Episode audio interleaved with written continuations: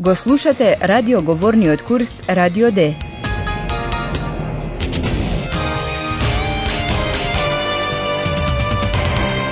Заеднички проект на Гете институтот и Радио Дојче Веле. Авторка е Херат Мезе.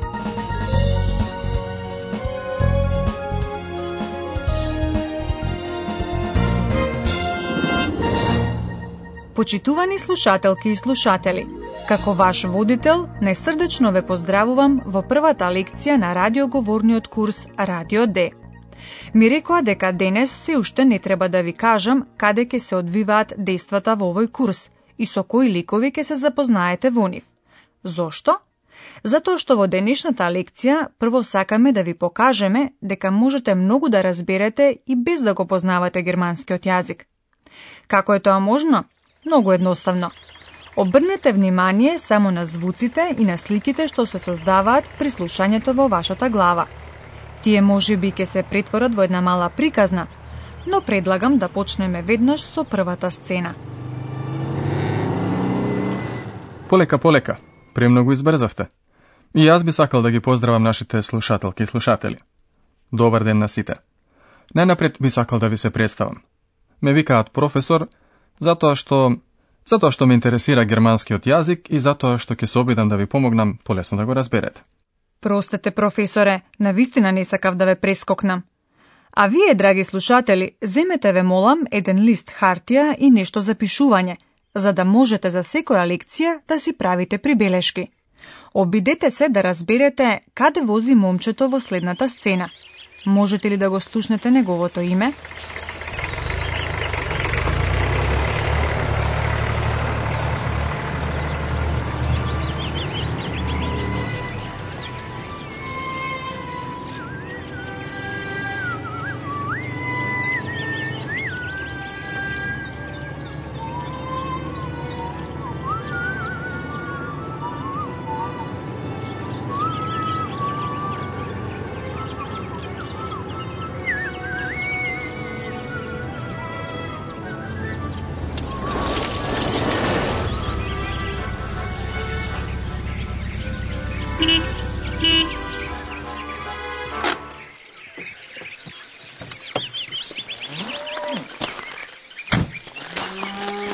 Hallo? Hallo? Hallo Mieze. Hallo Philipp. Tag, mein Junge, willkommen. Tag, Hanne. Ah, schön hier.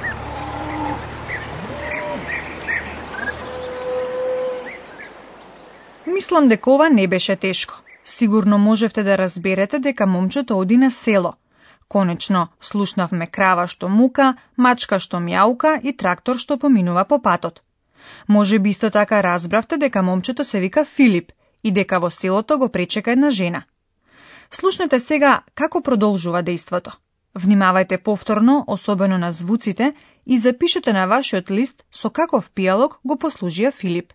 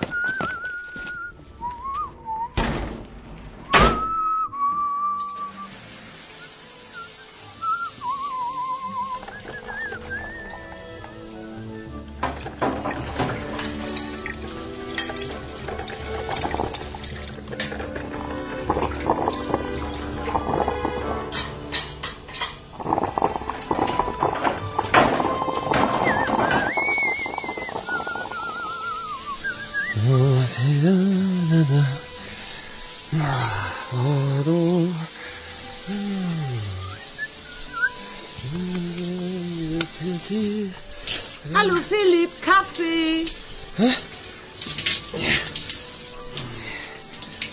Was ist? Kaffee, es gibt Kaffee. Okay, danke.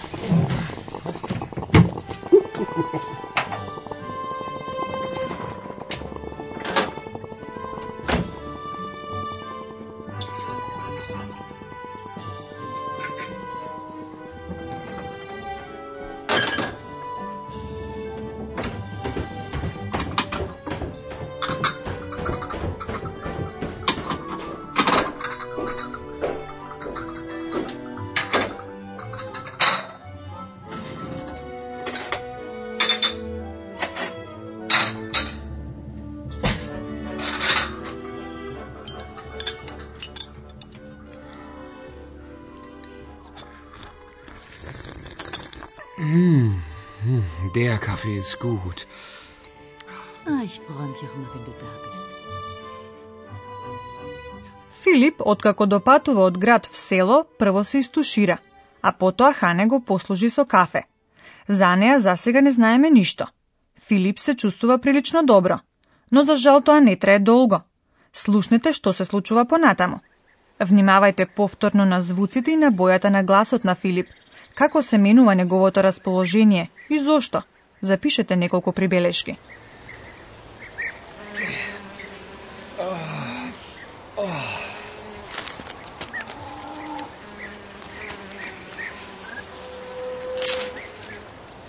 Super. Einfach super hier. Ach, ja. Natur. Natur pur. Ist das schön. Hm. Ha? Und die Kuh macht Mu. Mu. Mu.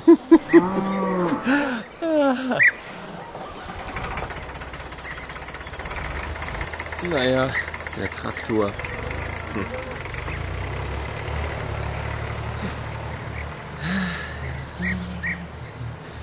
Hey. Hey, Schluss jetzt. Aufhören. Au, au, aua. Ah, Mistbiene. Alles okay? Oh nein! Mistbiene! Natur.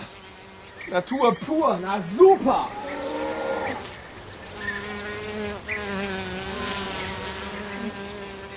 Кутриот Филип на почетокот се беше убаво, воодушевен од природата, шушкањето на листовите и бремчењето на пчелите. Дори и звуците на кравите и тракторот го забавуваат. Но за жал на село живеат и многу муви кои знаат да бидат многу здодевни.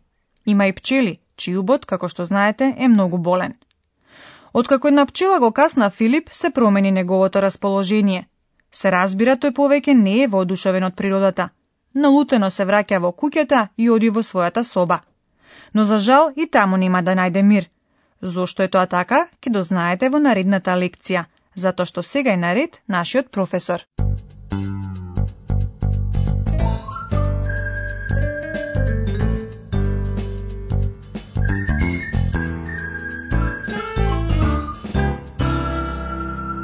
Добро дојдовте уште еднаш, почитувани слушателки и слушатели, во нашиот прв разговор за јазикот. Или поточно кажано, во разговор за неколку стратегии, кои при слушањето го леснуваат разбирањето на јазикот.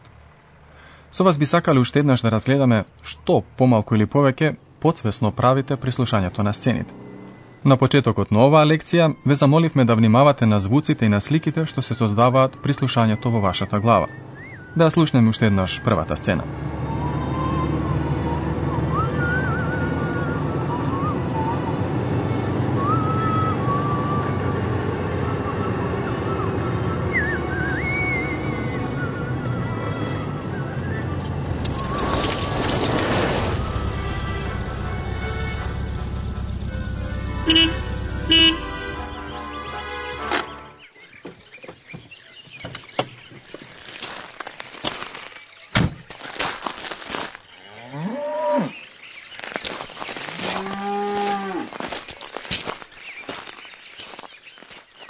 Простете, професоре, меѓутоа тука е многу јасно дека некој вози автомобил и пристигнува на село. Потполно сте во право. Но за жал тоа многу често го забораваме кога учиме нов јазик. Најчесто внимаваме на зборовите, особено на оние што не ги познаваме. Јас сакам да ги охрабрам нашите слушателки и слушатели да внимаваат на она за што веќе може да се предпостават што значи, а тоа се особено звуците. Вред, разбирам. Значи звуците од сцената што пред малку ја слушнавте откриваат каде се одигрува таа. Точно така. Меѓутоа, звуците ви откриваат и многу други работи. Например, што прави некој во моментов, какво дејство се одвива.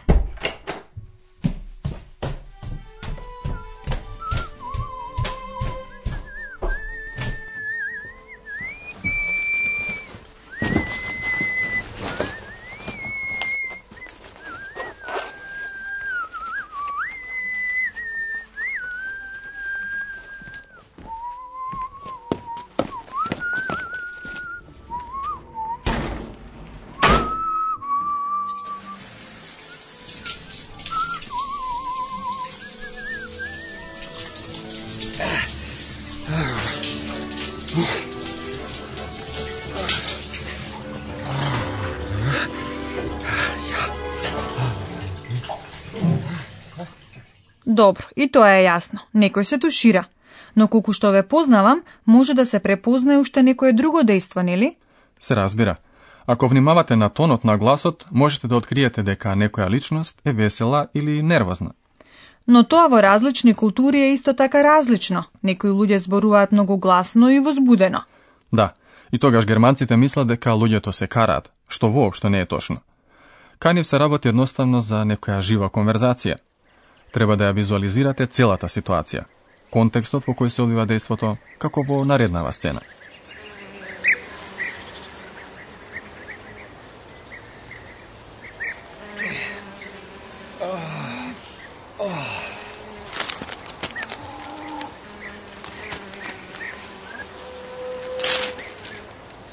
Super.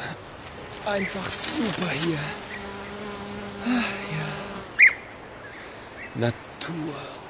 Natur pur. Ist das schön. Äh. Hey, Schluss jetzt. Aufhören.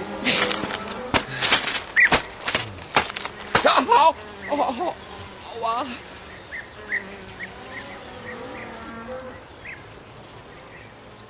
Jasno. Кога Филип оди на село за да се одмори, нормално е дека му пречат мувите и затоа е луд. Да, да, таква представа имаат градските луѓе за селската идила. Меѓутоа, ние сакавме да зборуваме за она што ни помага за да го разбереме јазикот. Точно така. Звуците помагаат, тонот на гласот помага, но постојат и многу други техники што помагаат за разбирање на јазикот.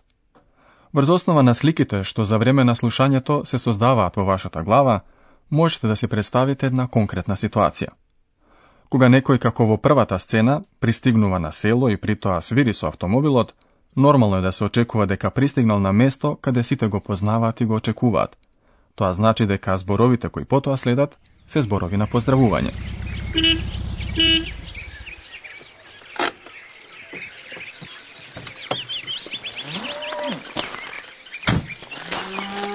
Ало? Hallo. Hallo Mieze. Hallo Philipp. Tag, mein Junge, willkommen. Tag, Hanne.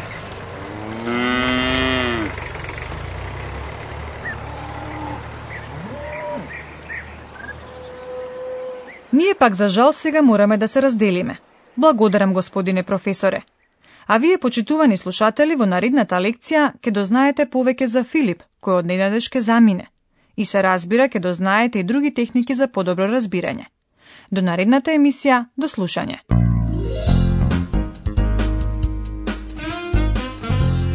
Го слушавте Радио Д, курсот по германски на Гете институтот и Радио Дојче Веле.